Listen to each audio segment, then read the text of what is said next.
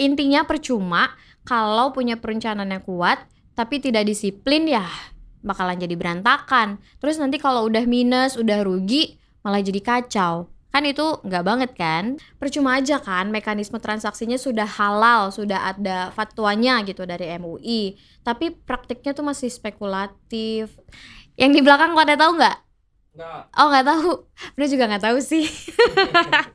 Jadi kita jawab aja apa ya? Jangan pakai perasaan. Oh ini kayaknya bagus, ini kayaknya ini kayaknya jangan kayak gitu deh. Itu nanti kalau di PHP-in, kita aja di PHP-in kan nggak suka ya.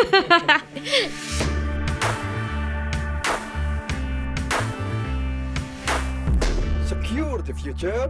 Start invest. It's time. Assalamualaikum warahmatullahi wabarakatuh. Salam sejahtera buat kita semua. Apa kabar ini teman-teman Ampin semuanya? Semoga kabarnya baik ya di bulan Ramadan ini. Pada puasa nggak? Insya Allah pada puasa dong. Oh iya, di bulan Ramadan ini Vina akan menyuguhkan konten yang berbeda nih. Kontennya itu akan menjurus tentang investasi tetap, tapi dikaitkan dengan hal-hal keagamaan. Maksudnya di sini coba nanti simak aja ya pembahasannya. Tujuannya apalagi supaya investasi kita tuh lebih berkah di bulan Ramadan ini. Oh ya, secara umum pembahasan Vina ini pernah dibahas oleh Om Vin di channel ini, tapi ya karena bulan Ramadan jadi Vina ingatkan kembali, siapa tahu udah pada lupa ya kan. Oke deh, supaya nggak panjang lebar, langsung aja kita bahas. Nah, di sini tuh kayaknya pasti banyak pertanyaan-pertanyaan dari teman-teman Om Vin yang kira-kira sebenarnya halal gak sih atau eh, ini sebenarnya boleh nggak sih bertrading saham itu eh, gimana gitu kan? Eh, Vina rangkum pertanyaan-pertanyaan netizen itu makanya kita bacakan satu-satu ya. Yang pertama, pasti orang-orang pada nanya, apa dasarnya mekanisme transaksi efek, khususnya transaksi saham di Bursa Efek Indonesia adalah halal? Tuh, dasarnya apa? Nah, Vina kasih tahu ya, jawabannya adalah Fatwa Dewan Syariah Nasional Majelis Ulama Indonesia atau disingkat DSN MUI nomor 80 tahun 2011. Fatwa itu menjadi dasar atau hukum fikih yang kuat bahwa mekanisme lelang berkelanjutan alias continuous auction dalam transaksi efek itu bersifat ekuitas di pasar reguler telah sesuai dengan prinsip-prinsip syariah. Nah, lalu fatwa itu juga menjadi dasar dari dikembangkannya syariah online trading system atau SOTS oleh Bursa Efek Indonesia di mana setiap SOTS yang dikembangkan oleh perusahaan efek harus mendapatkan sertifikat syariah dari DSN MUI tadi. Untuk melengkapi sistem dan mekanisme syariah di pasar modal, DSN MUI juga mengeluarkan fatwa nomor 138 untuk proses clearing dan fatwa nomor 124 untuk proses kustodian di Kustodian Sentral Efek Indonesia atau kita sebut KSEI. Nah, pertanyaan yang kedua dari netizen adalah kenapa transaksi efek termasuk transaksi saham di bursa disebut lelang berkelanjutan? Ada yang udah tahu belum? Kalau pada belum tahu, ini Vina kasih jawabannya. Jawabannya adalah karena memang mekanisme transaksi di bursa menggunakan mekanisme lelang. Jadi ada permintaan, ada juga penawaran, ada bid, ada offer. Tujuannya untuk mencari harga terbaik itu sama aja kayak di zaman Nabi sih setahu Vina. Coba cari tahu deh, zaman Nabi itu perdagangannya seperti apa. Dan satu hal lagi nih yang paling penting, mekanisme lelang ternyata adalah cara transaksi terbaik dan dikenal sangat syariah. Pertanyaan yang ketiga dari para netizen. Siapa yang tahu harga terbaik dan harga wajar yang dimaksud? Yang di belakang pada tahu nggak? Nggak. Oh nggak tahu, Bener juga nggak tahu sih. Jadi kita jawab aja. Jadi jawabannya adalah semua orang tuh bisa tahu kan rumusnya banyak ya. Jadi kalian bisa cari tahu tuh di Google banyak sumbernya karena ini udah masuk dunia digital kan. Misalnya adalah analisa fundamental untuk strategi value investing. Nah, pasti itu mengutamakan eh, bagaimana sih cara menghitung harga wajar. Sebab dari hasil yang tadi kita misalnya udah belajar nih tentang rumus-rumusnya, kita bisa tahu harganya itu tuh salah, benar, atau kemahalan kah? Nah, makanya jadi kalau uh, bermain bukan bermain saham ya, trading saham atau investing, invest gitu, itu harus tahu dulu analisanya maupun fundamental ataupun teknikal jadi kita nggak bisa ngira-ngira tuh. Kalau kayak gitu disebutnya judi katanya kata Om Vin ya.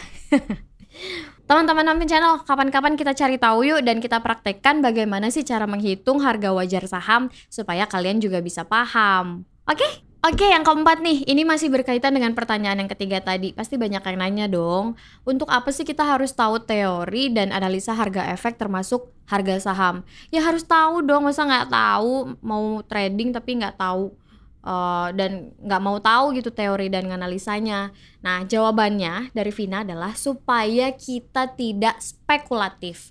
Maksudnya supaya tidak spekulatif adalah percuma aja kan mekanisme transaksinya sudah halal, sudah ada fatwanya gitu dari MUI, tapi praktiknya tuh masih spekulatif. Spekulatif atau spekulasi adalah bahasa lain dari mengira-ngira alhasil jadi ya nggak beda jauh sama judi. Jadi jangan pakai hanya apa ya? Jangan pakai perasaan oh ini kayaknya bagus ini kayaknya ini kayaknya jangan kayak gitu deh. Itu nanti kalau di PHP-in kita aja di PHP-in kan uh, gak suka ya ini di PHP-in sama uh, tindakan kita sendiri kita nggak tahu ke depannya tuh kayak gimana. Kalau kita analisa pasti kita tahu. Dan ingat ya itu uang kita yang diinvestasikan. Jangan main-main dengan cara spekulatif hanya gara-gara kita tuh mager males belajar gitu apalagi ikut-ikutan. Nah itu nggak banget.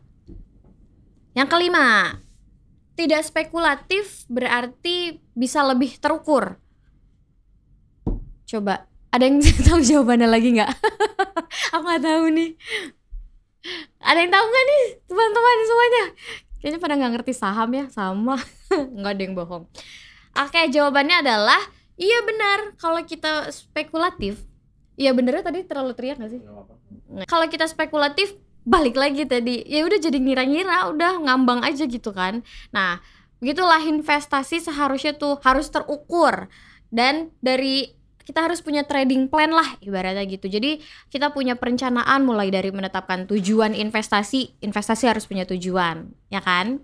Terus juga menetapkan instrumen investasi apa yang akan dipilih sampai dengan jangka waktunya juga kita harus tahu. Kita mau jangka menengah ataupun kita mau jangka panjang itu harus tahu. Kita mau beli rumah ataupun kita mau beli handphone. Nah, kita harus tahu. Oke, okay, kalau kalian yakin, kalian harus pahami tuh lima jawaban yang tadi Vina udah sebutkan dari pertanyaan-pertanyaan netizen ya kan. Nah, jadi itu udah menjadi modal yang sangat cukup ketika kita ingin mulai berinvestasi, apalagi investasinya uh, halal gitu ya kan. Udah sesuai dengan ajaran agama, sudah sesuai dengan syariat Islam. Dan selebihnya adalah disiplin. Disiplin itu penting karena kalau tidak disiplin ya itu udah pernah Vina bahas di Cerves sih sebenarnya. Intinya percuma kalau punya perencanaan yang kuat tapi tidak disiplin ya bakalan jadi berantakan. Terus nanti kalau udah minus, udah rugi, malah jadi kacau. Kan itu nggak banget kan? Satu lagi, Vina inget banget uh, dengerin kata Warren Buffett tentang spekulasi investasi itu bukan permainan dan investasi itu butuh ilmu serta pemahaman. Sebab bukan lempar koin untuk menentukan nasib karena itu namanya judi. Begini kata Buffett. Investasi harus rasional. Jika Anda tidak memahaminya, jangan lakukan. Resiko datang dari ketidaktahuan akan apa yang kita lakukan. Oke, terima kasih banyak sudah menyimak. Semoga bermanfaat informasi yang Vina sampaikan kali ini. Jangan lupa puasanya harus tetap semangat, full sambil nonton Om Vin Channel. Dan jangan lupa di subscribe, like, dan juga komen ya. Nah, untuk episode selanjutnya di bulan Ramadan ini Vina akan bahas tentang ragam produk investasi syariah. Jadi jangan sampai ketinggalan. Udah gitu aja, Vina pamit. Wassalamualaikum warahmatullahi wabarakatuh.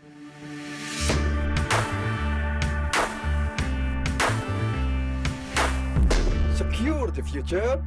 Start invest. It's time.